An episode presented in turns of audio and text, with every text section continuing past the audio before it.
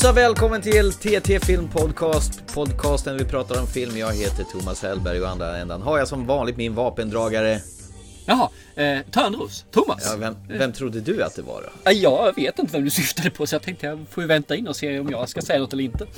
Du ska säga någonting. Du sitter där och jag sitter här. I gamla... Absolut! Ja, trevligt! Nice! Tillbaka igen efter eh, våran lite lilla mellanstick vi hade där när vi tittade på eh, Harlequin. Antiklimaxet har ju sällan varit större. Nej, man hade lite för höga förväntningar. Det är inte mer med det. Det värsta är att jag hade det lite på känn att det här blir nog inte så bra. Jag med måste jag säga, men jag hoppades, jag hoppades. Men jag håller fast vid det jag sa fortfarande att det är inte en jättedålig film. Det är bara det att den kunde varit bättre. Ja, och nu har jag ingen aning om vad vi pratar om, men det är ju förstås den här Harley Quinn-filmen eh, Birds of Prey som vi var och såg på bio här förra veckan och vi gjorde en biospotting på. För de oinvigna som bara slog på podcasten nu och inte begrep ett dyft vad vi pratar om.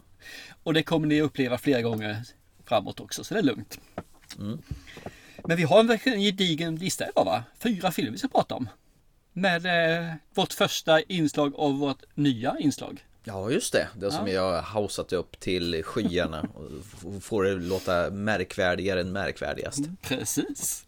Eh, Men det sparar vi väl till sist i programmet som vanligt då. Som vanligt ja. som vanligt första gången vi har det här segmentet men det som vi vill dra ut på längst av allt det sparar vi längst bak i programmet. Den som väntar på något gött, det är bara härligt. Vi har fyra filmer idag, men innan vi börjar så skulle jag väl bara vilja säga en, en liten shout-out till Hanna Odelburg. Du vet hon eh, fin fina damen i eh, Mareld som vi såg för ett tid sedan. Och även eh, We Were, We Were Monsters, minsann har jag för mig den hette. Eh, Jag såg ett litet Instagram-inlägg av henne idag där hon står att i mars ska hon eh, samarbeta med de här eh, legenderna. Stod. Då var det en bild på eh, dels Woody Harrison och sen dels Ruben Östlund. Vet han som gjorde The Square och eh, Turist. Coolt. Ja, riktigt kul. Ja. Det verkar gå bra för Hanna. Ja, vad trevligt. Det har hon helt klart förtjänat. Det kände vi på en gång. Det här är någon skådis så väl värd att lägga ögonen på och se vad framtiden har för henne. Yes, jag håller med förut. Kul i alla fall. Hoppas att det blir en riktigt bra film då. Verkligen. Skoj. Vilken film vill du börja med förresten här? Jag tänker att vi börjar med den här filmen som precis släpps på Blu-ray och DVD och VOD och vi har ju dessutom tävlat ut den här så att två lyckliga vinnare eh, har ju vunnit den här i våran tävling. Lite skojfriskt börjar vi alltså. I och med att det är jag som är jokern i leken är det jag som bestämmer! Och det vet vi båda två att det inte är. Men Hur är det med, hur är det med par? Ingenting att ha! Kommer du inte ihåg det? Magnus Härenstam när han hade det här programmet för hundra år sedan, Lagt kort ligger. Jo då, men det, men det är bara vi två som kommer ihåg det. Ja, okej. Alla andra är för unga, menar du så? Eh, troligtvis, eller så har de eh, selektivt minne som är bättre än vårat.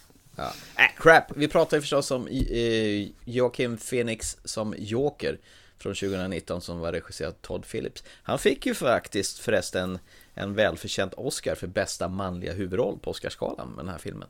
Ja, absolut. Ja, men det tycker jag han var förtjänad av. Absolut. Bättre än eh, flåsande DiCaprio. Däremot höll han ett litet märkligt tal. Det var knappt att han tackade för Oscarsen utan han började snacka om miljö och rädda djur och... Så Han är nog lite kufisk den här Joaquin Phoenix privat Ja. också. Mycket möjligt. Sen har han ju haft en ganska brokig eh, historia om jag stått det rätt. Och jag fattar aldrig att River Phoenix var hans lillebror, han som dog i, utanför något diskotek i någon knarköverdos. Nej, inte jag heller. Jag har ingen koll på sånt eh, whatsoever, till jag känna. Nej. Men han gjorde ett riktigt bra eh, framträdande. Vi kanske väntar och säga vad vi tycker om filmen, för vi ska ju ta en liten kort recension om den igen. Så att, eh, Sen vill jag bara säga att Hildur Gudnadottir vann ju bästa, fick Oscars för bästa filmmusik. Eh, De här fantastiska, vad heter cellostråkarna som genomsyrar filmen. I olika känsloregister kan man väl säga va? Hur Ja. filmen eh, lider. När det är mörkare och mörkare och mer tragiskt och mer bombastiskt. Tänkte jag faktiskt på det, ännu mer nu när jag såg den andra gången. Men eh, dra lite snabbt bara vad, vad, det går ut på. Snabbt och enkelt. Eh, Man är i Gotham City. Och där finns ju en person som inte mår så bra psykiskt då. Arthur Fleck. Och men egentligen får man ju följa hans resa och transformation till att han då ska bli Jokern i Gotham City. Och det egentligen handlar mycket om eh, psykisk ohälsa får man väl säga egentligen och ett eh, samhälle som kanske inte är riktigt är beredd att ta hand om att, eh, Det räcker ju så va? jag tycker inte det behövs mer än det faktiskt. Eh, de flesta vet ungefär vad det handlar om och eh, vet man inte det så räcker det här tycker jag som introduktion egentligen.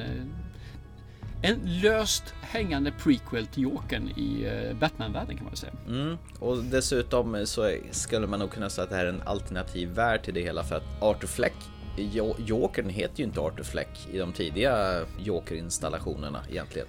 Det var därför som jag sa att det var löst hängande lite grann också. För den är väldigt eh, ja, based on kan man väl säga. Istället för att den är riktigt Verkligen. Initialt när jag gick in menar jag, jag tvingade ju min sambo att se den här filmen också. Ja, För hon var lite så här skakig. Ska, ska, vi- ska vi se den inte? Klart du ska se den. Nu eh, måste vi slå på den här och Ja, jag ville inviga henne i detta. För jag var bra jävla nyfiken på vad hon tyck- skulle tycka om den här filmen. För att den är ju ganska brutal. och lång. Ja, lång kanske den är. Men eh, den är ju väldigt mörk och dyster. Och som sagt, den hanterar ju ämnet psykisk ohälsa. Men hon var tagen av den här filmen. Hon eh, sa att det lämnade som ett tomrum, ett hål efteråt när den här filmen var slut. Det är väl lite så jag kände också, även efter andra titeln. Ja, för det, det, det jag tänkte göra nu det är egentligen Vill ni veta vad jag tyckte om den efter jag sett den på bio? Så får ni gå tillbaka i våran samling av kanaler. Nu tänkte jag bara se, säga hur jag upplevde den i återtiteln hemma i min biograf då. I soffan. I Yes, i soffan. Så att inte någonting egentligen hur filmen är så, utan bara hur jag upplevde den i en återtitt. Det låter fair. Ja, men jag tror det. Filmen börjar ju ganska... Man förstår ju att personen i fråga inte mår bra. Och man tittar på den här ju hans transformation framåt och man kan... Jag, efter att jag såg på bio så har man fått läsa en del alternativa ja, tolkningar av filmen. Att det här då kan tolkas på flera sätt. Ungefär som man kunde göra i andra filmer som getts ut och som jag tycker är lite synd. Om man tittar på det. Eh, Total Recall bland annat är ju någon som säger liksom att ja, men den, han upplevde inte det utan bla bla bla. Och då ska man hitta Ja, ja. något annat sätt att se på filmen. Än vad det egentligen är. Ja, eller kanske är på det viset, vad vet jag. Det är ju i tittarens ögon som jag säger, Eye of the Beholder. Men jag väljer att se filmen rakt, precis som den är. Han är ju gruvligt äcklig, Joakim, i den här filmen. Alltså, även när jag ser om den nu så tycker jag hans kropp är orimligt eh, bisarr. Man säger så. Det sticker ut eh, skuldror här eh, och armbågar där och axlar som sticker fram. Det, det, han ser verkligen sjuk ut.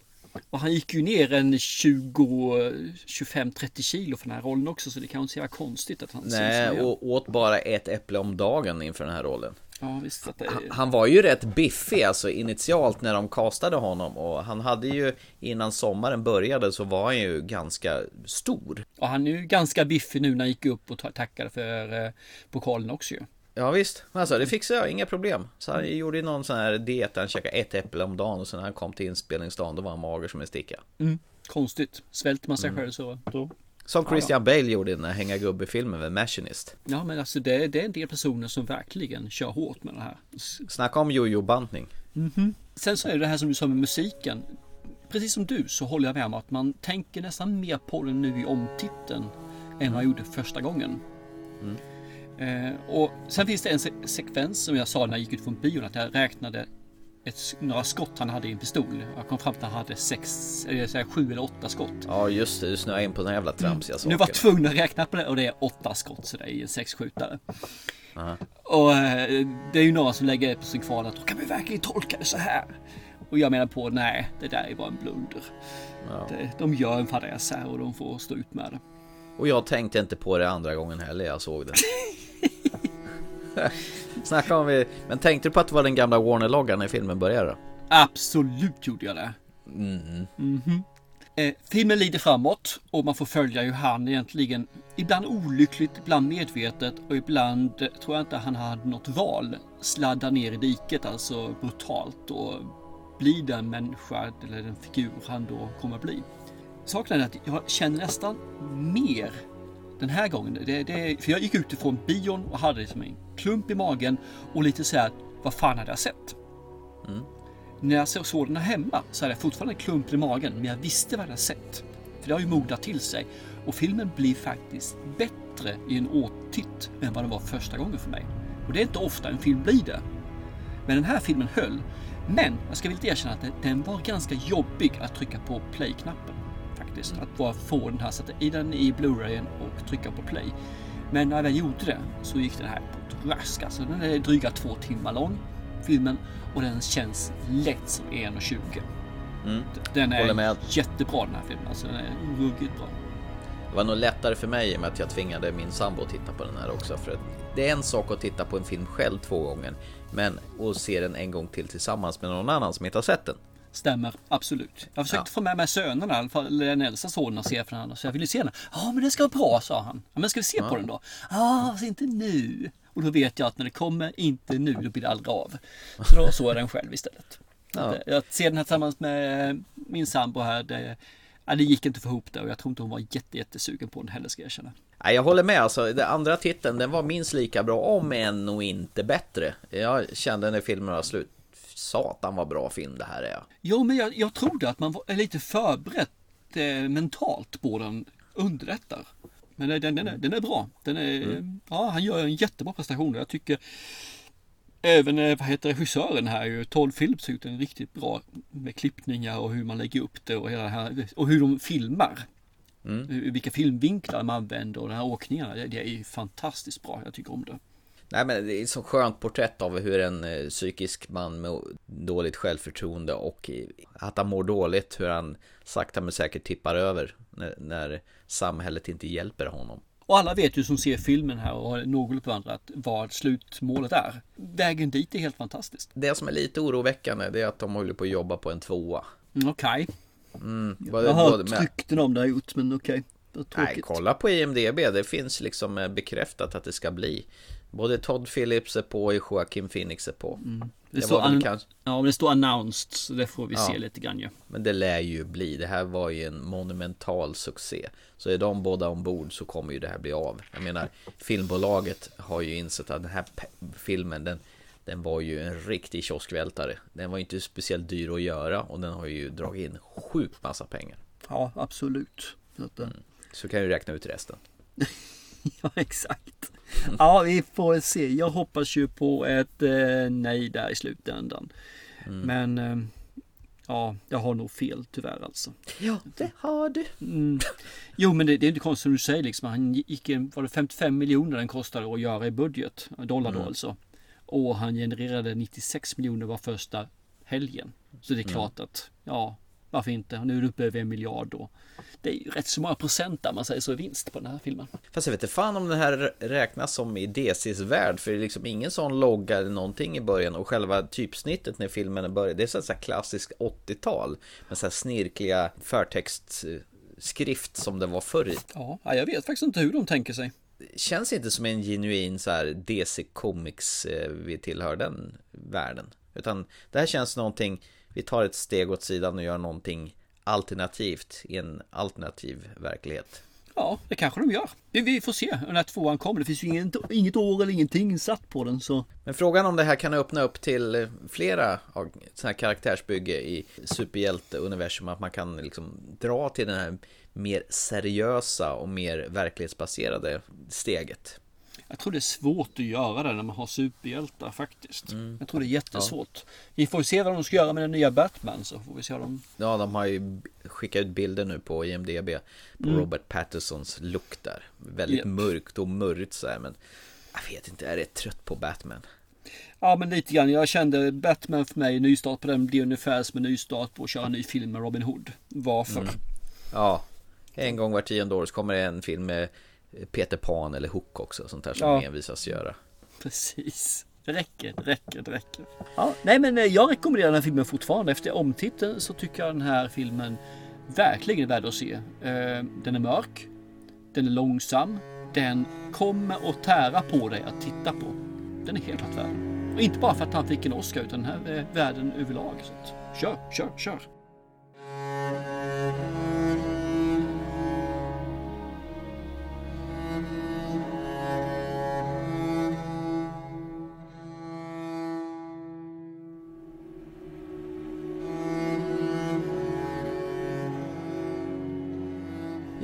Ska vi gå vidare då i programmet då och prata om en Netflix aktuell film då som jag dyvlade på dig. Eh, jag, jag såg den här filmen och jag vet ju med tanke på att du älskar Adam Sandler mer än alla andra skådespelare på den jord så tänker jag den här kommer han vilja kasta sig eh, med framstupa sidoläge över och bara trycka på play-knappen.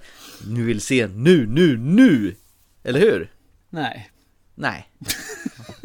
det här är nog den svåraste filmen jag någonsin haft att sätta på play, alltså på trycka på play. Det ja. tog emot. Det är så liksom det sista såg jag idag. Innan, dagen okay. innan, nu, äh, samma dag som vi spelade in nu alltså. Har du sett den i omgångar eller vadå? Ja, jag gjorde det. Jag ska komma till det sen. Eh, okay. Adam Sandler för mig är ju liksom en... Eh, Pajas! Skithögt tänkte jag säga, men vi kör på pajas lite trevligare. De här tidigaste filmerna gjorde var väl rätt trevliga, de här eh, The Wedding Singer och Happy Gilmore och Billy Madison. Tänker jag. Ja, man har ju inte utvecklats sedan dess. Men, men, men. Det finns ju fler filmer som jag har sagt att det här går ju inte på grund av skådespelaren och det är ju mm. Paddleton till exempel. Ja just det. Mm. Heter. Ja, just det. Elefanten eller mammuten där ju. Mm. Och, men den filmen var ju skitbra. Så jag hade i alla fall det i fickan när jag tittade på den här filmen. Så man ska inte fint, man ska inte låsa in sig i ett hörn utan man ska försöka vara så öppen man kan när man ser en film. Så vem vet? Mm. Vi pratar i vilket fall som helst om filmen Uncut Gems. Eller Gems kanske man säger. I made a crazy risk, a gamble. And it's about to pay off. So I want the Celtics to cover. I want the Celtics halftime. I want Garnett points and rebounds. What do you know?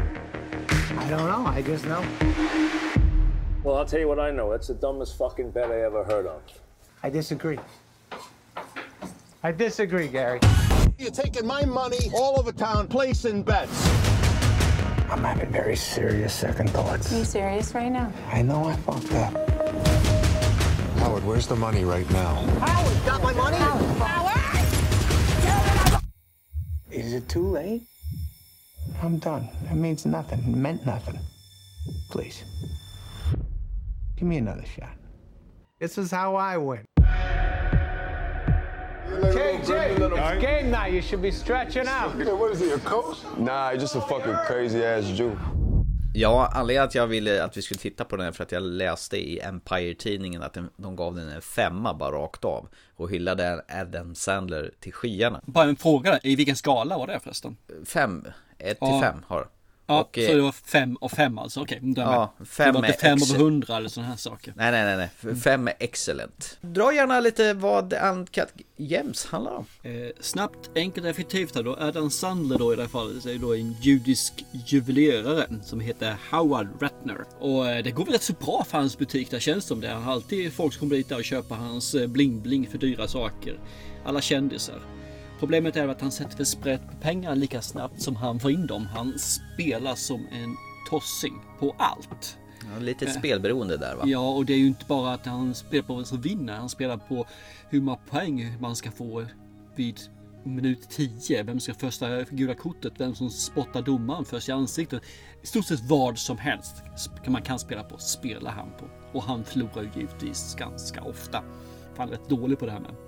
Så han är skyldig pengar till eh, maffian, antar jag det. Och eh, samtidigt så sitter han då i en prekär situation när han ska skiljas för hans fru och barn. Ja, hans fru vill inte bo med honom mer om vi säger så. Och han har väl ändå en liten snätta vid sidan om då som bor i den lägenheten där han bor istället då när han inte sover i huset. För han sover väl inte, han var där och nattat barnen mer eller mindre. Och samtidigt får han ju tag i då en sten som är full med svarta opaler har jag för mig det var. Som nog ska inbringa miljoner på en auktion. Tanken. Det här blir ju lite komplikationer. Från och till, hatt och datt och ditt och datt med den här stenen med opalerna och hans eh, lånehajar och hans familj och hans älskarinna och hans barn och hans familj som förvecklar sig ja, inte så ofta till det sämre för honom om vi säger så. Så det, det var den resan för följa. Vet du vad det första jag kände när jag slog på den här filmen? Jag hann bara egentligen se 10 minuter, en kvart. Mm. Vet du vad första känslan var? Att de skriker och säger fuck väldigt mycket. Nej, inte alls det. Ja, både det också. Men jag blev jättestressad av den här filmen. Jag, jag hamnade nog mitt i hans stress av det här smärtan över att det han gör, han ligger nästan lite på ytan nästan och drunknar hela tiden och han håller sig precis i ytkanten och liksom uppe och chippar efter luft för att komma vidare och göra sitt nästa dåliga val. Sälja någonting till fel pris och det, alla är på honom hela tiden, de pratar i mun på varann. Gud vilket stresspåslag det här var för mig. Det här är alltså den fjärde filmen, alltså nummer, ja man säger i rangordnar dem, så är det här fjärde filmen genom historien som man säger Fuck Mesty. Jag kan tyvärr inte ettan, tvåan, trean. Men jag vet att den är rankad fyra den här alltså. Så det är väldigt mycket F-ord i den här filmen. Men, men kan du förstå? Ja, jag förstår vad du menar hur... att du har ja. det här. Ja, att man känner sig att man, man får hans stress. Jag kan, jag kan mm. köpa det vad du tycker det. Mm, fortsätt. Det här att han har en älskarinna och frun egentligen hatar ju honom mer än allt. Hon klarar inte ens av att titta på honom. Och han kommer med den ena dåliga nödlugnen efter den andra. Han hanterar ju inte saker speciellt bra. Eh, och folk kommer, går in och kommer som de går i hans juvelerarbutik. Och det bara stökar till sig mer och mer och mer. Och han försöker göra sig loss från älskarinnan fast han samtidigt vill ha henne kvar. Nej, fy fan vilken röra den här karln har satt sig i. Mm. Och Tycker man Adam Sandler är stökig från början och irriterande Ja, det är ju inte kilometer ifrån vad den här, hans karaktär Howard är i den här filmen ty jag tycker han är skitstörig att följa. Han är ju inte någonting, han är ju inte likable för fem öre. Eh, nej, det är han inte. Jag tycker verkligen inte om honom någonstans. Alltså, han, han ljuger konstant, säger jag ju. Och han mm. eh, spelar konstant och han drar ju alla bakom ljuset så fort han bara kan. Att, mm. Nej, eh, han är ju ingen sån här likable person som du säger, utan eh, det här är ju ett riktigt jävla svin till karaktär. Mm jag vet inte, det börjar ju ganska tätt in på när man får se när han får den här stenen. Och eh, då är det någon som vill låna den, någon sån här basketspelare ju. Mm, för att ska ge honom tur då när han spelar. Ja, exakt. Och som en pant ska han ha då hans eh, NBA-ring eller vad det är för någonting. LIA-ring i alla fall. Bara för att. Och sen det första han gör är att gå och panta den för x antal tusen. För att kunna spela. För att han behöver stålar och spela. Ja, Precis, och jag menar, vänta lite grann här nu.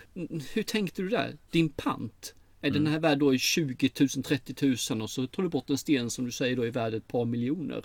Låna ut den. Lånar man verkligen ut en sten för 20 miljoner till någon?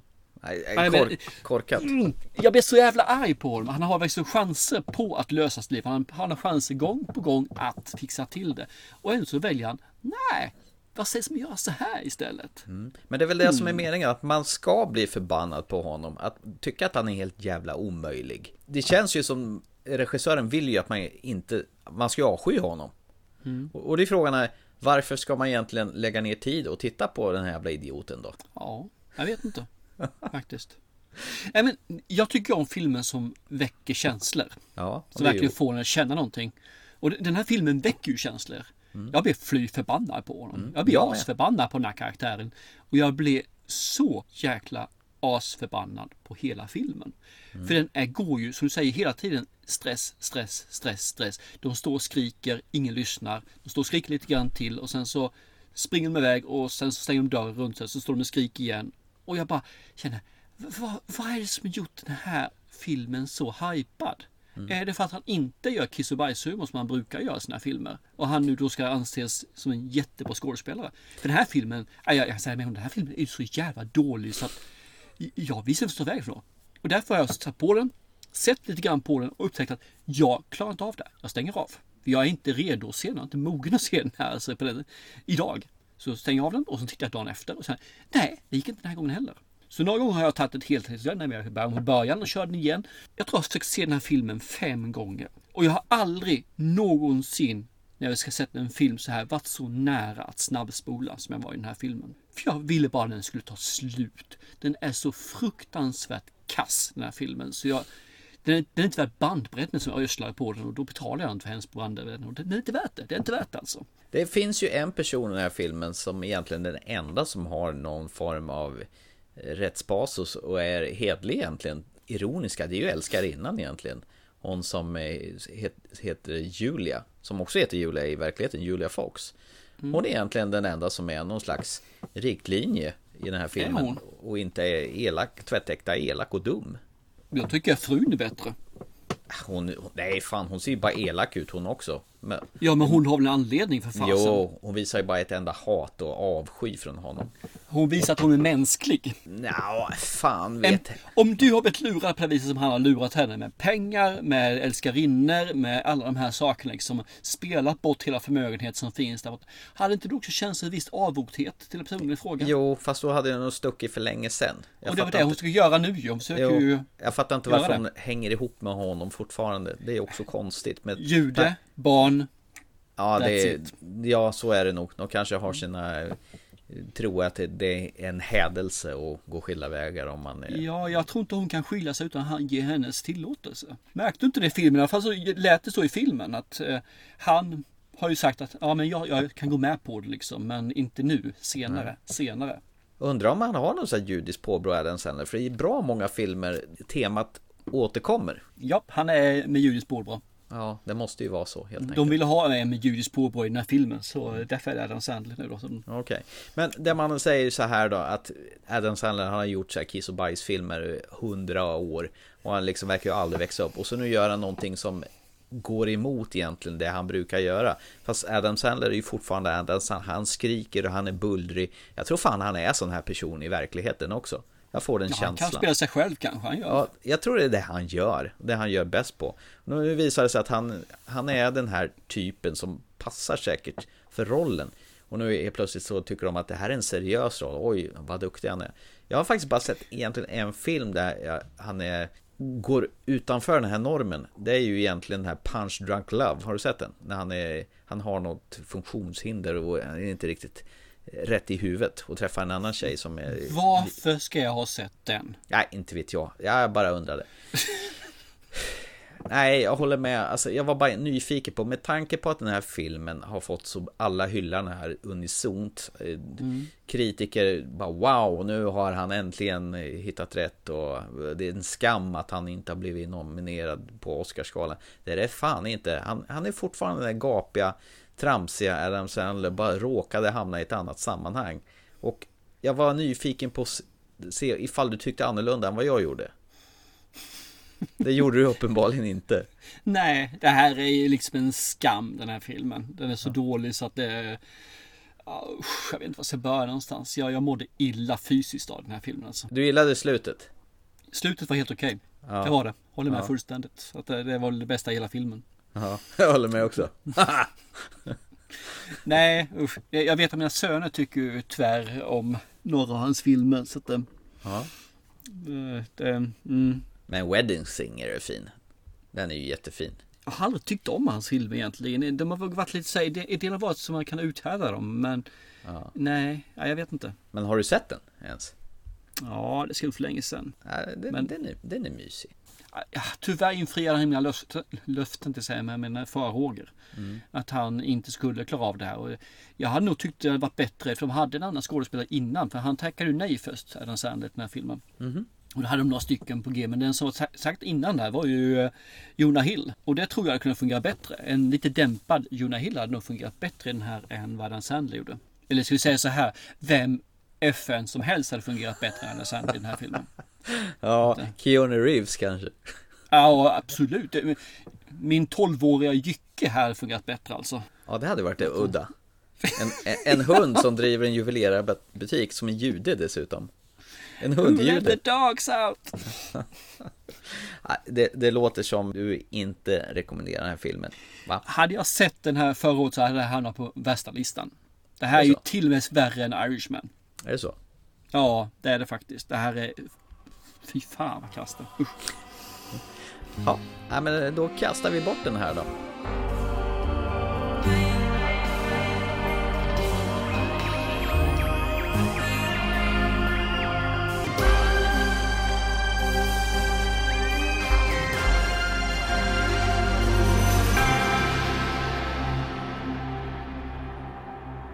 Ska vi skära oss i handlederna så vi får fram lite blod där nu då?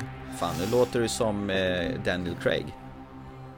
Han skulle ju skära sig i handlederna hellre än att spela James Bond en gång. Men hoppla! I april så kommer nästa. Men han kanske ska säga handlare, bara lite ytligt sådär. Så Mm. Du förresten, de släppte ju titellåten till eh, No Time To Die häromdagen med Billie Eilish som sjunger den.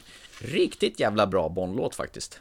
Ja okej, jag har bara sett den och släppt, jag har inte lyssnat på den faktiskt. Väldigt suggestiv och väldigt lugn låt för att vara en Bond-låt. Kanske känns Ja. lite så här mökigt att dra igång med så här riktigt soft låt i introsekvensen. För det är alltid så här riktig actionsekvens innan eh, själva titellåten kommer och förtexterna. Men softlåt har de här tidigare väl? Ja, det, men inte så här. Den här är verkligen, går nästan på valium den här låten. Aha, men, den okej, är skit, men den är skitbra. Jag tycker, lyssna på den. Jag får ta och lyssna på den Sofia då.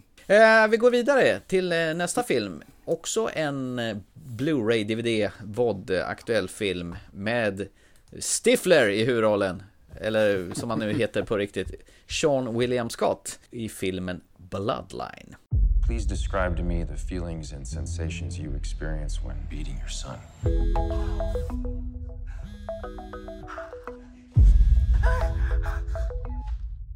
Hi, baby. Okay, I'll meet you there. We're gonna have to cut this short, I'm afraid. When you have a baby, everything changes. It's like you're going crazy. And if you need me to come and stay for a while, Yeah, thanks, Mom. We got this. how can you take care of her if you don't take care of yourself?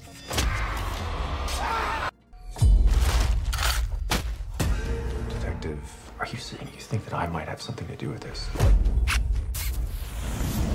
What are you gonna do when they find out who you really are? Happy daddy makes a happy home. Eh, här träffar vi Evan. Han är någon slags, vad är han, sån här vägledare för problematiska barn i, eh, eller Kurator tonår. kan vi säga va? Kurator. Kurator ja, i, i skolan.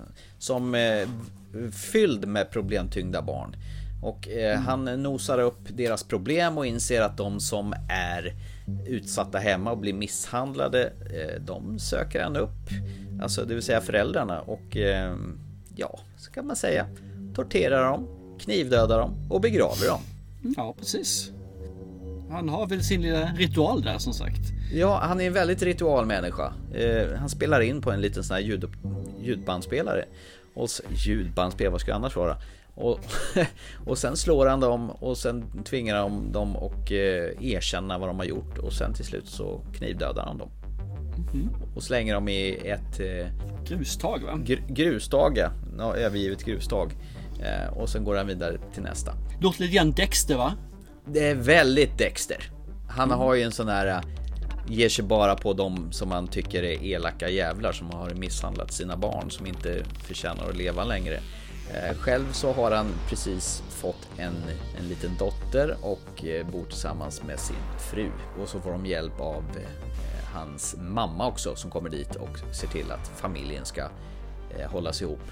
Och på nätterna så roar han sig med att åk, åka runt och plocka upp föräldrarna som har betett sig som skit och tar ihjäl dem. Precis. Eller roa, roa. Ja. Det är hans eh, mission in life. Ja, eller hans äh, ångestdämpning kanske. Ja, man- det kan nog stämma grann Ja, också. för man får ju liksom en liten bakgrundshistoria att han själv har ju inte haft sån lätt barndom så att det här är väl hans sätt kanske att hjälpa andra som har haft det likadant. I hans värld i alla fall. Precis, hur de kan gå vidare. Eh, Sean William Scott, som sagt, han har man ju sett som Stifler i de här American Pie-filmerna och där är han ju väldigt Sprallig. Och det är han ju verkligen inte i den här filmen där han spelar Evan Cole. Jag tycker han gör det riktigt bra i den här filmen. Jag tänker inte ens på att han har varit Stifler, så då har man ju glömt bort det ganska kvickt. Det roliga är att han var ju med i den här tredje säsongen av Lethal Weapon eh, i och med att den i slutet av andra säsongen så sparkar de ju han den karaktären som spelar Martin Riggs. För att han var så jävla jobbig att göra med på inspelningarna. Då, då fick ju våran vän eh, Sean William Scott ta över och eh, få en, en egen karaktär. Och den karaktären hette Wesley Cole. Och det är lite spännande att den här karaktären heter Evan Cole. Kan de inte liksom ha hittat på ett annat efternamn åt, åt karln? För, för jag, jag fin- jaha, är det, är det Cole i dödligt vapen som har blivit knäpp här och börjar gå och döda folk? Tänker du verkligen så? Ja, för att han har ju precis exakt samma utseende. Det här bebisskägget han har. Det här som går över munnen. Nästan du vet Chuck Norris-skägget. Så här. Det täta svarta som egentligen inte är något skägg utan det bara... Vä- vä- Vänta lite. Hur kan du säga någonting med bebis samtidigt som du säger Chuck Norris? Den tuffaste badassen som finns i världen någonsin. Tycker du? Ja men Chuck Norris, har du inte hört honom? Liksom det, han, är ju... Han är Te- the man. The myth, Texas legend. Walker, vad heter? Texas Ranger? Ja. Eller Mission, mission vad heter det? Eh, miss, missing in action heter de va? De här filmerna. Nej, fy, fan. Nej men det är hans jävla töntiga skägget. Han hade det i Lethal Weapon och han har det här också. Jag fattar inte, vad kan han inte bara vara slätrakat för? Jag blir irriterad på hans skägg. Fan vad töntig du är. Det är väl inte? Jo. Jag störde mig på hans jävla skägg. Det är ju elakt. Du gör personangrepp på honom där ju. Ja, Hans skägg. Ja. Ja. Men det här är en sån här Bl- Blumhouse-produktion, alltså det här skräckfilmsproduktionsbolaget som har gjort den här filmen. Och de går ju inte av för hackar och göra ordentligt grisiga mordscener. Det skvätter blod till höger och vänster och i närbild. Det är nästan som de här gamla Dario Argento-filmerna, de här italienska kniv, eh, så här giallo-filmerna. De hade den här närbildskladdet som är i den här filmen. Oh ja, och det ska gärna spruta lite grann också som sagt var. Så att, um, På honom. Och så aggressivt jävla våld där i den här filmen. Jävlar vad då. Okej, låt mig göra en gissning här. Du var inte så jävla fan av den här filmen va? Inte till början kan jag säga. Men ju mer filmen gick, de- de- den är lite smart på ett sätt. Alltså man tror att den ska gå åt ett håll och sen tar den en liten genväg och sen snurrar, snurrar den upp mig lite grann. Så att det var en, som åka berg och dalbana genom att se den här filmen. Och sen var det det mest märkligaste scen som de klippte in när hon skulle föda sitt barn. Då fick man ju se födseln. Ja, den var lite, ja, Äh, Var, var det på riktigt Annorlunda. eller annars var det jävligt bra igen, alltså ens, iscensatt? Alltså jag har aldrig sett någonting liknande på film någonsin förut. Har du det? Nej, jag har inte gjort. Och det intressanta är liksom, de säger då till honom som pappa, nu får du komma ner här så ska de titta när Ja. barnet, för, va, va, varför då? Det är bättre att han står där uppe och tar hand om sin fru som just då har det kanske ganska jobbigt. Men Jag erkänn att du blev lite nere. chockad när den scenen kom. Ja, den, den var lite, ja, jag håller med. Jag brukar inte tycka att eh, man blir sådär, men den här gången reagerade man, absolut. Ja, jag reagerar också. Det var konstigt. Nej men jag, jag blev ganska snabbt fångad den här filmen faktiskt. Jag tyckte den var lite mysig i början så här och sen så som du säger så tar den lite snedsprång. Och sen så får man säga okej vad är det egentligen man ser? Så fick man fundera lite grann. Vad är det här egentligen? Och jag tycker den håller ända slut. Det är ingen mästerlig film det här alltså. Men ska du se en liten eh, thriller Ja, horror, det är lite grann man säger så. En liten thrillerskräckis så är väl det här en jättebra film. Tycker jag liksom. Och jag tycker de, de klantar till det i vissa saker där han helt plötsligt blir lite så här lite långbenaktig och gör sina fatala misstag. Mm, lite Men- klumpig. Lite klumpigt och det, det ska, det här hade hon kunnat göra smartare. Men kunde man, kan man glömma bort de klumpiga fadäserna så är det en riktigt nice film faktiskt. Och de är inte så många de här klumpiga fadäserna faktiskt. Men några stycken. Men inte, mm, det, det förtar lite grann, det gör det. Men glöm bort dem och så blir filmen faktiskt rätt bra. För i, i det generella så är den ganska smart. Filmen. Ja, och sen i grund och botten är det ju ett starkt familjedrama där frun, mannen och eh, vad ska man säga, eh, mannens morsa, de gör allt för att hålla ihop familjen. Precis, Bloodline. Och jag tycker hon, hon som spelade eh, frun, Mariella, hon som, eller Mariella Garrica som spelar Lauren, hon är också jävligt bra. Ja, absolut. Ja, hon spelar väldigt, eh, vad ska man säga, hon är väldigt eh, en vek karaktär. Hon är rädd för nästan allt. Hon är rädd för att föda barn, rädd för att misslyckas att vara mamma till barnet. Hon är rädd för att förlora sin familj igen då. Hon är rädd för allt. Och sen är det ju just det här att det är jävligt jobbigt att ha en liten nyfödd och det tar på energin. Det tycker de berör också väldigt bra i den här Oh ja. filmen. Oh ja. Nej, jag tycker den här filmen är jättebra faktiskt. Jag tycker det, det var eh, lite så här energitillskott i filmtittandet efter man var tvungen att ha- tro sig på den här Uncut Gems. Men Dale Dickey då, som spelar Marie, alltså eh, Evans morsa. Hon, Ja, som hon ser väl- Hon hon är väldigt bra. bra. Hon ser väldigt så här försupen och ner, nerdekis ut, gör hon. Man har sett Mm. henne i massor, massor, massor med filmer, men hon är väl den här klassiska, Ja, hon var ju med i en film som du gav mig som utmaning till och med. alltså, Hell or High Water var ju med i. ja det var hon ju också, ja precis. Men hon är ju typ en sån här birollstant som man ser Mm. lite här och varstans. Fast faktiskt, ja, hon är ju en biroll men ändå inte. För de här tre vi berört, eh, vad heter det, mannen, frugan och mamman. De, de är ganska viktiga alla tre. Vi, givetvis får ju massmördaren här då får ju en större bild, antal screentime om man säger så. Men de är lika viktiga alla tre faktiskt på sitt sätt. Och det tycker jag är nice faktiskt i den här filmen att man lyckas fördela det på ett sånt eh, underbart sätt att man verkligen tar del av alla tre. Vad, vad tyckte du om initialt då? Filmen börjar ju med ett brutalt mord på en sjuksköterska. Eh, Mm. den, den var ju ovanligt grisig, tyckte jag. Den var lite annorlunda så den Ja. var ja. Men det är det jag menar, det är väldigt så här Dario Argento-style. För mycket, det är naket till att börja med. Och sen helt plötsligt så får den en sån här riktigt övervåldsam scen. Och verkligen du får se personen i fråga kippar efter den andan och inser att livet håller på att rinna ut. Det var mycket sådana scener. Där ångesten från offret innan de dör. Men för mig funkade det. Det funkade jättebra för mig. Ja, det funkar jätte på mig. Jag fick ångest av att se det också. Ja. Och sen eh, själva Evan Coles känslolösa uttryck. För han är ju väldigt så här. Han har ju inte många ansiktsuttryck i den här filmen utan han är ju nästan blank i ansiktet. Det kan ju vara bra och dåligt. Och man kan tänka på att i vissa fall är det tyder på dåligt skå skådespeleri. Men med tanke på vad han har gjort tidigare så är ju det här en annan typ av roll han gör. Ja, ja, absolut. Och det är det som är så kul för att han är ju känd för sina snuskroller, tänkte man nästan säga. Stiffelmeister. Ja, visst. Och så gör han då det här. Så det, han, han kan ju skådespela. Det är inte med det. Även om det är så här stark snott från tv-serien Dexter. Det är ju bara så. Ja, visst är det så. Men vad då? Kan man göra någonting som är lite annorlunda på någonting som bygger på någonting så fine by me. Jag har sett så mycket plagiat i livet så. De har ju inte patent på det. Nej, men jag tycker den här är helt klart värd att se. Jag tycker nog att du, du ska kunna tåla att det finns blod. Nej, och rätt så grisigt blod. Stänker och sprutar om man säger så. Eh, det måste du klara av. Annars ska du nonchalera den här filmen. Tycker du om Dexter så kommer du med all säkerhet tycka om den här också. Det, det tror jag. Och som du säger, familjedramat där ligger i botten. Så du ska inte bara vilja att det ska vara sprut och det ska vara slänk och det ska vara tarmar. Utan det ska finnas lite mer djup än så. Det här tycker jag filmen levererar. Mm, och sen är den väldigt smart berättad också. Ja, och det, då är ju frågan, hur tyckte du om det där med att de hoppar lite grann i tiden? Mm. Ja, men det tyckte jag var jättebra.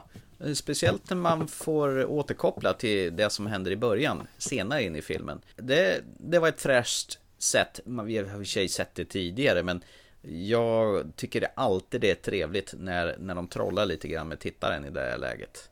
Jag går igång på sånt, det gör jag. Jag håller med. Jag tycker också om, jag, jag är visserligen rätt så svag för det här med att man hoppar i, i tidsloopen så man får fundera och tänka lite grann. Vad är jag nu? Vad händer nu? Jaha, det är det här. För annars blir det att man faller ner i den här eh, transen. Jag tittar på filmen istället för att man är aktiv. Om Man bara sitter och slötittar på någonting. Ja, precis. Jag gick ju igång på slutet också. Eh, Den höll ju hela vägen in i mål, faktiskt. Stor eloge. Det är inte ofta de går i mål på ett bra sätt, men det gjorde de här, tyckte jag. Ja, men jag säger som jag alltid säger. Slutet är inte värt någonting egentligen. Det är vägen dit som är det viktiga. Och den levererar båda två i det här fallet. Like, like, like. Ja, var vi nöjda så? Jag känner mig nöjd. Se den om ni tycker om lite blod och lite eh, massmördare. Vad gulligt det lät. Ja, en mysig film. Lite blod, lite massmördare. Då är det här en, en, mysig fredagsfilm framför tacosen då. Ja, precis. Yummy! Ge mig lite mer salsa. Jajamän.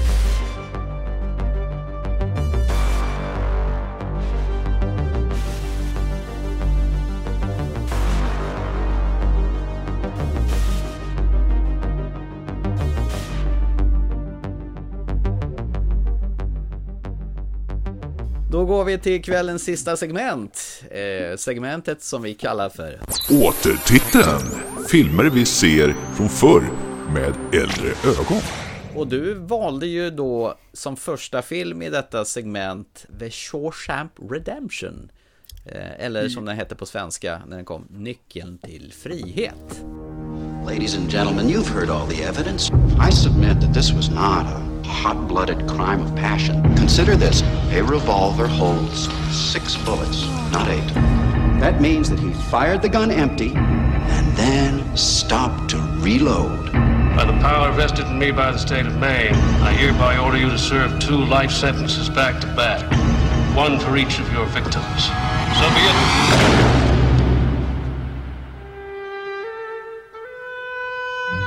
Send you here for life? That's exactly what they take. I believe in two things discipline help me and the Bible. Here you'll receive both. Andy came to Shawshank Prison in 1947. Why'd you do it? I didn't, since you ask. you can fit right in.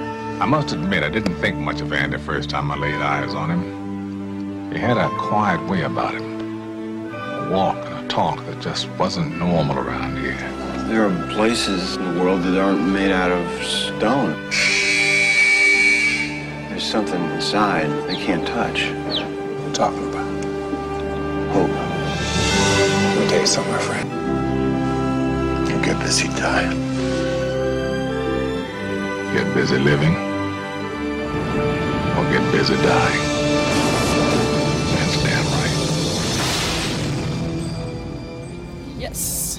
Yes, det är väl Och inte det var ju anledningen till det att Björn den. Det är ju för att den ligger ju allt som oftast etta på IMDBs topplista. Så det är klart Ja. man måste börja med den. Det är väl den eller Gudfadern som brukar byta plats med varandra va?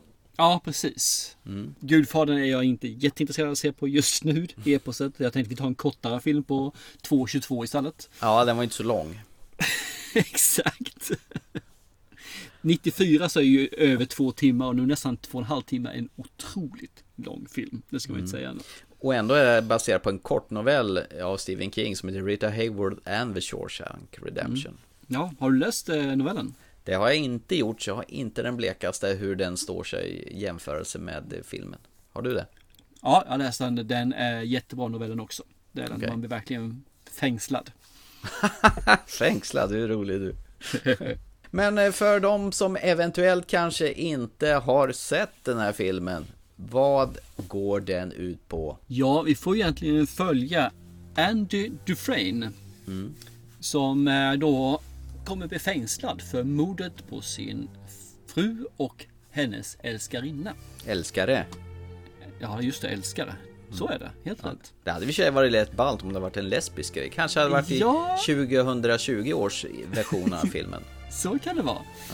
Men ja, han mördar, eller har blir då dömd för att ha mördat sin fru och älskare väldigt brutalt till på köpet.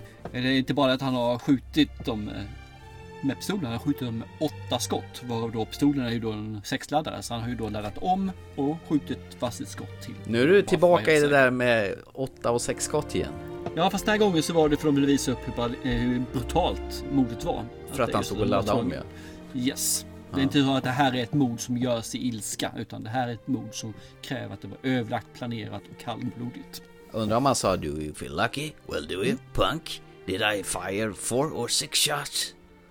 Nej. Eh, eh, Okej. Nej.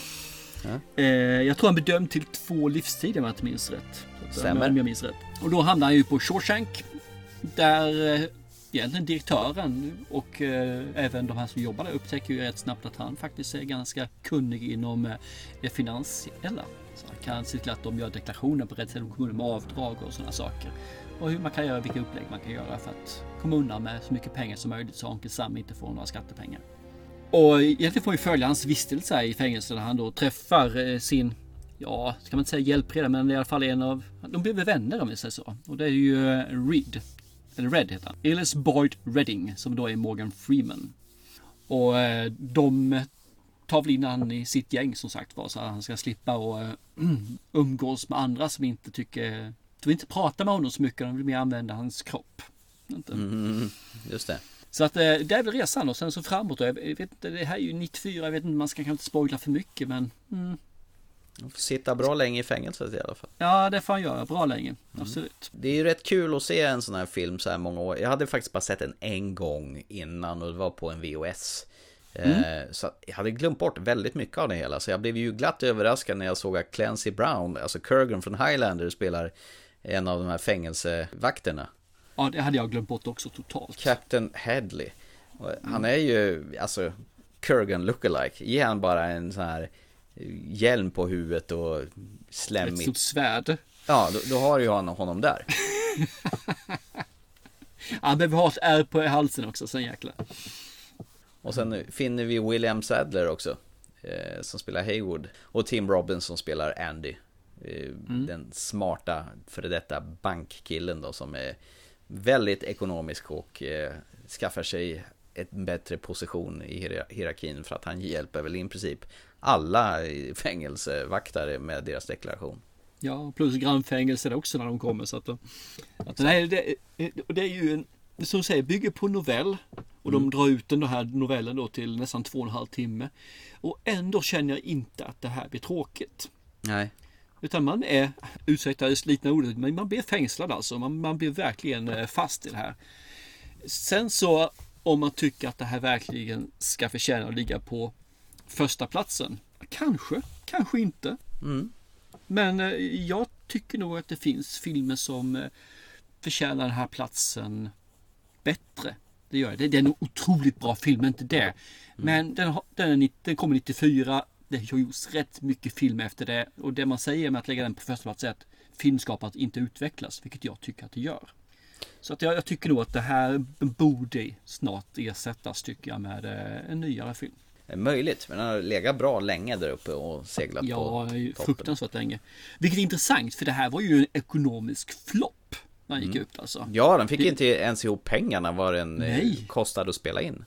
Nej, det tog ju jättelång tid innan de nådde upp till att eh, komma upp vad det kostade. Den var rätt så dyr att göra i alla fall, men 25 miljoner kostade den. Mm, för den tiden var ju mycket pengar. Ja visst alltså, och öppningshelgen så drog den in 700, 700 750 000 någonstans där.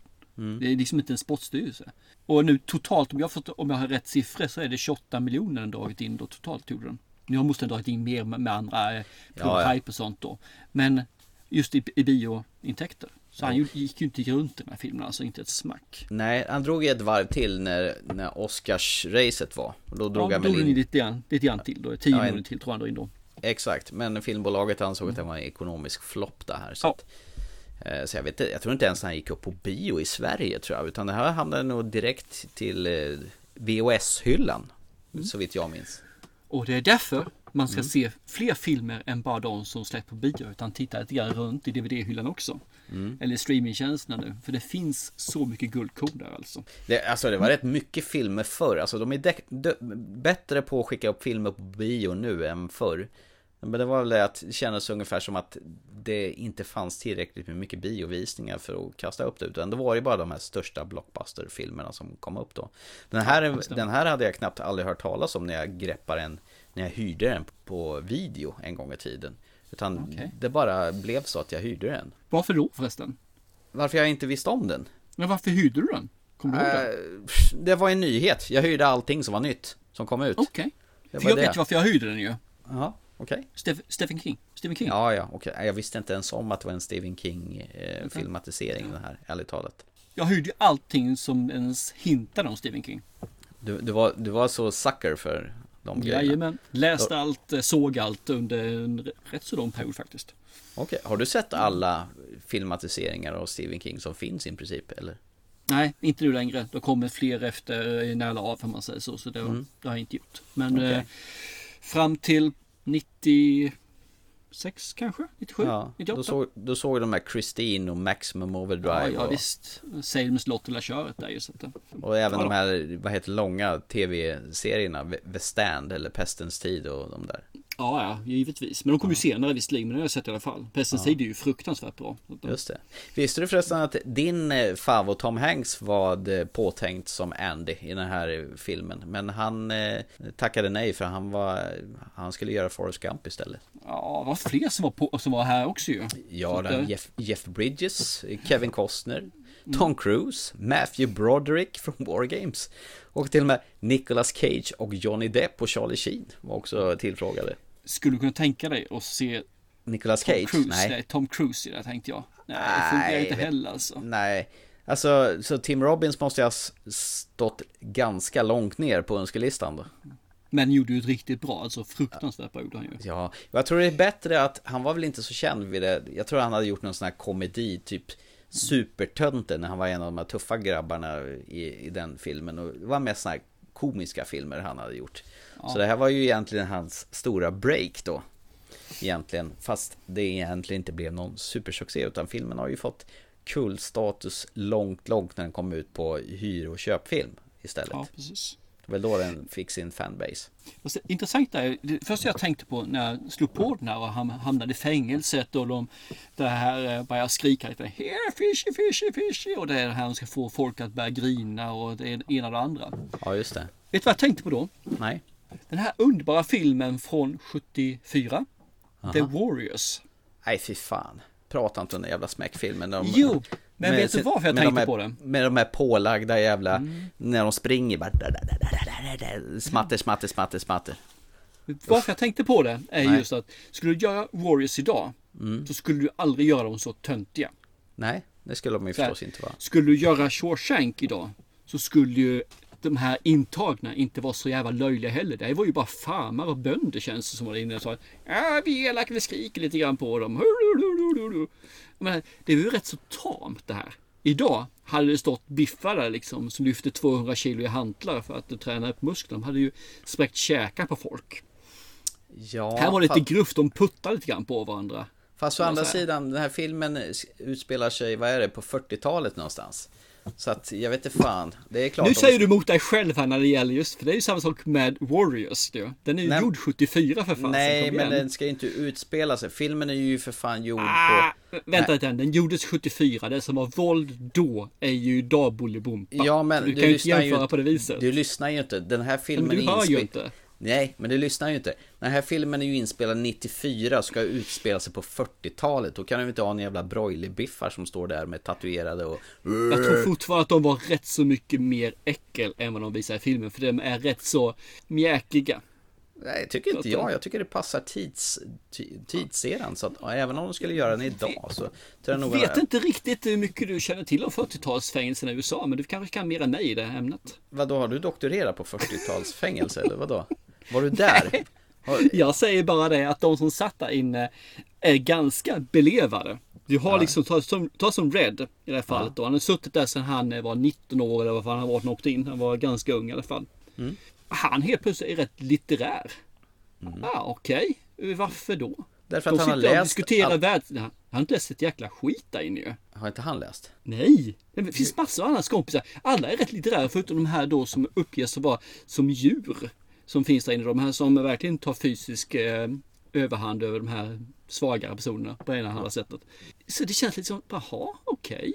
Varför skulle de bete sig på det sättet? Men de skulle bli överkörda där inne för fasen av de andra bästarna i sådana fall ju.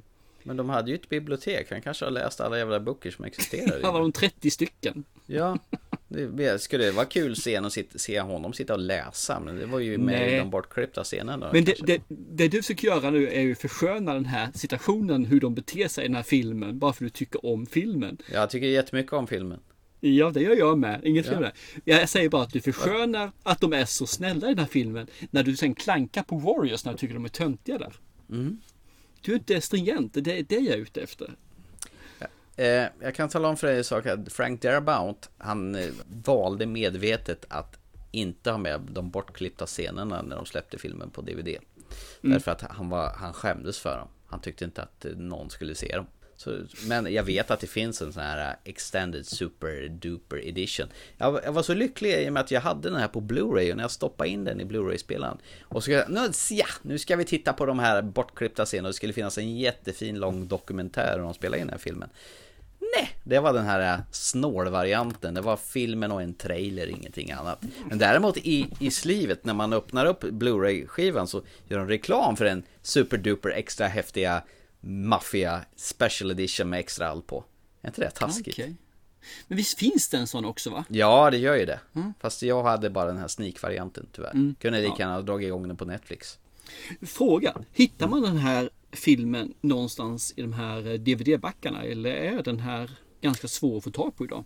Nej, ja, alltså det räcker ju att gå på loppis så hi- hittar du en hela tiden. Gör det ju. Okej, ja. Så att, eh, och sen tror jag jag tror de har gjort en nysläpp nyss av den här filmen. Eh, med nytt omslag och ny, ny distributör. För den har ju flyter runt på massa olika sådana här. N- när jag köpte den en gång i tiden, då var det sådana här riktigt, du vet, de här som var 59 spänn, två för 95 spänn. eh, För bra många år sedan. Sådana här riktigt låg budget. Som släppte titlar som inte egentligen hade någon fast distribution. Mm. Eh, där hade jag fått tag i den. Men om går tillbaka och tittar på den här nu. Jämför, det vi egentligen tänkte, jämför den här med första titeln och återtiteln. Ja. Är den här bättre än vad du kommer ihåg den? Är den sämre? Håller den än idag? Eller har tidens tand satt sina märken i den? Jag tycker nog att den här var bättre vid den andra titeln för jag känner att den här gav mig mer nu i vuxen ålder när jag såg den. Jag kanske var 15-16 när jag såg den. Då var jag nog nästan lite för ung för den här filmen för att uppskatta Mm. den fullt ut. Nu tycker jag nog att jag kan ju inte säga att filmen har mognat utan det är väl jag kanske som har mognat då. Nej, det är en solid film tvärs igenom och det är som du säger, man var ju fängslad från första bildrutan. Och den höll ju sig i ett järngrepp ända till filmen var slut. Det var ju rätt mycket karaktärer i och de läts ju de här karaktärerna leva och få ta plats i filmen. Det var ju inte bara Andys öde som visades upp här utan det var ju medfångarna runt omkring och även vilket jävla asshole han the warden, alltså fängelsedirektören är. Vilken hänsynslös skit. Och likadant hur eh, de här fångvaktarna, eh, vad det är för snubbar. Det var ju också Ja. framförallt Clancy Browns figur. Precis, han som var huvudvaktaren om man säger så. Mm. Number one. Men jag håller med, jag tycker den här filmen höll idag också. Det gjorde den alltså. Eh, Jag skulle nog säga att den eh, håller på samma nivå som när jag såg den första gångerna. Mm. Eller den sista gången. Jag tror jag sett den här två eller tre gånger innan. Eh, Den håller samma nivå, den är bra. Det som jag dock hade glömt bort.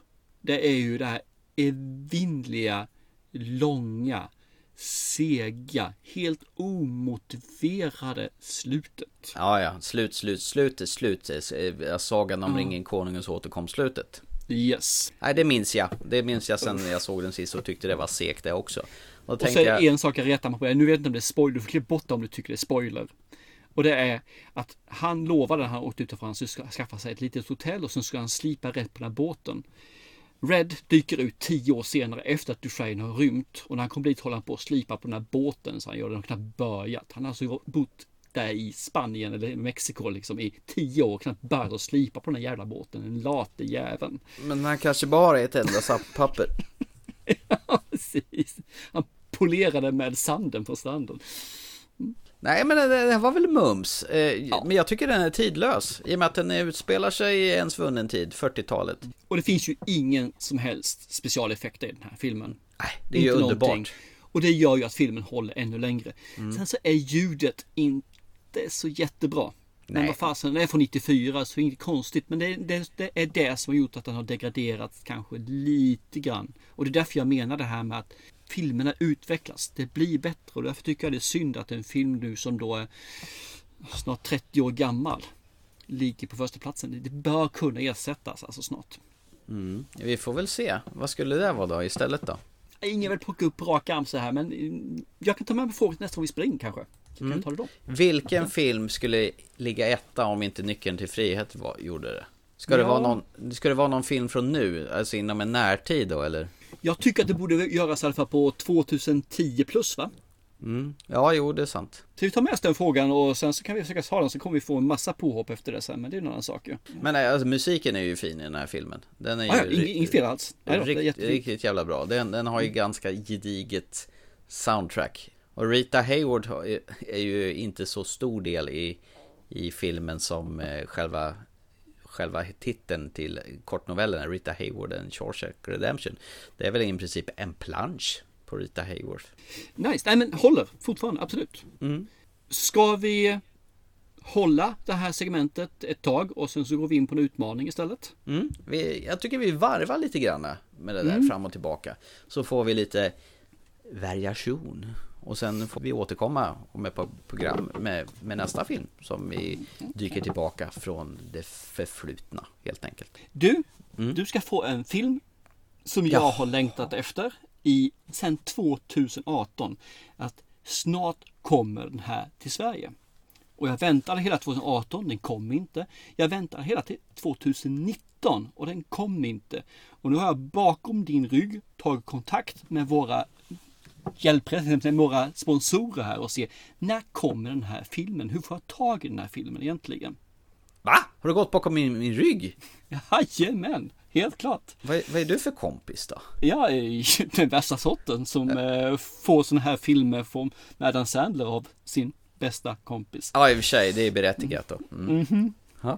Och, och den kommer inte till Sverige. Så nu har jag gjort en sak här. Jag har alltså beställt den här filmen. Aha.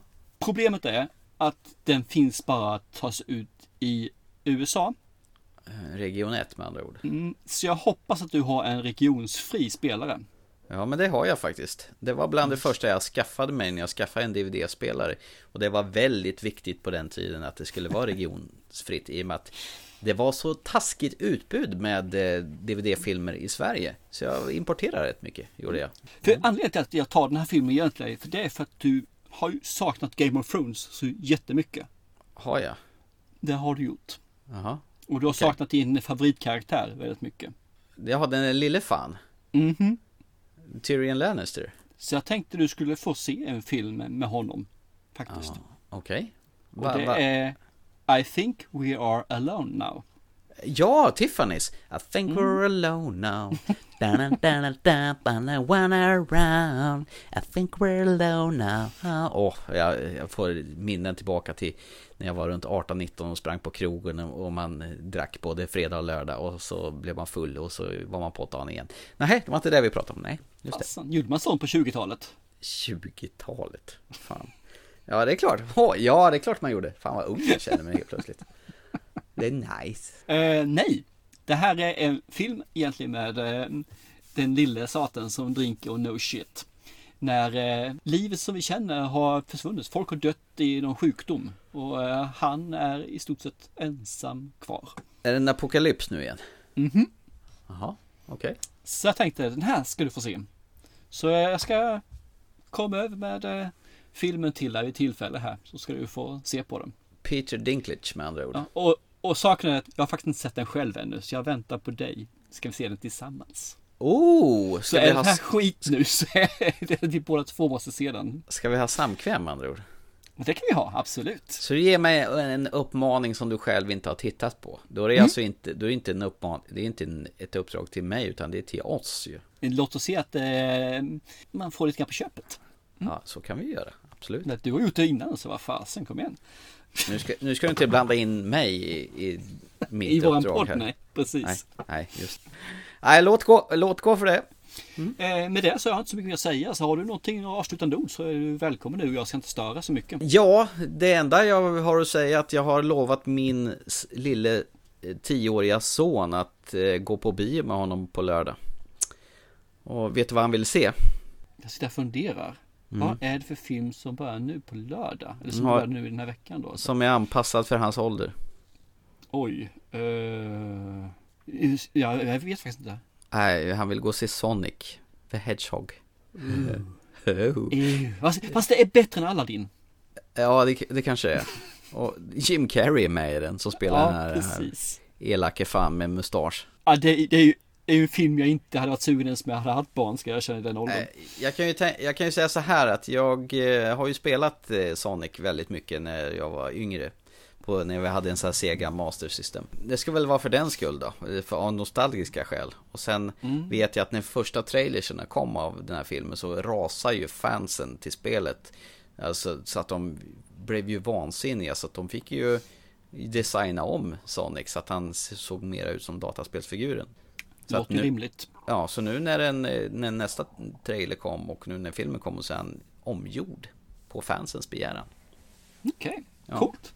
Ja, det var ju kul. Så att eh, ja, jag kommer väl med en liten rapport om hur, hur Sonic the Hedgehog Det funkar tycker jag absolut du ska göra. som, som biofilm. Nice. Ja, det var bara det. Då tycker jag vi tar och tackar för oss. Ja, det, det tycker jag också. Ni hör oss på Acast, ni hör oss på Apple Podcast och alla andra podcastplattformar som finns. Eh, kontakta oss gärna på Facebook eller Instagram eller skicka ett mejl till oss på ttfilmpodcast.gmail.com eh, så svarar vi jättegärna på era frågor. Eh, det var det! Och så till nästa gång så se en bra film, för det tänker ju vi göra. Så till dess, chip chip! Hej då!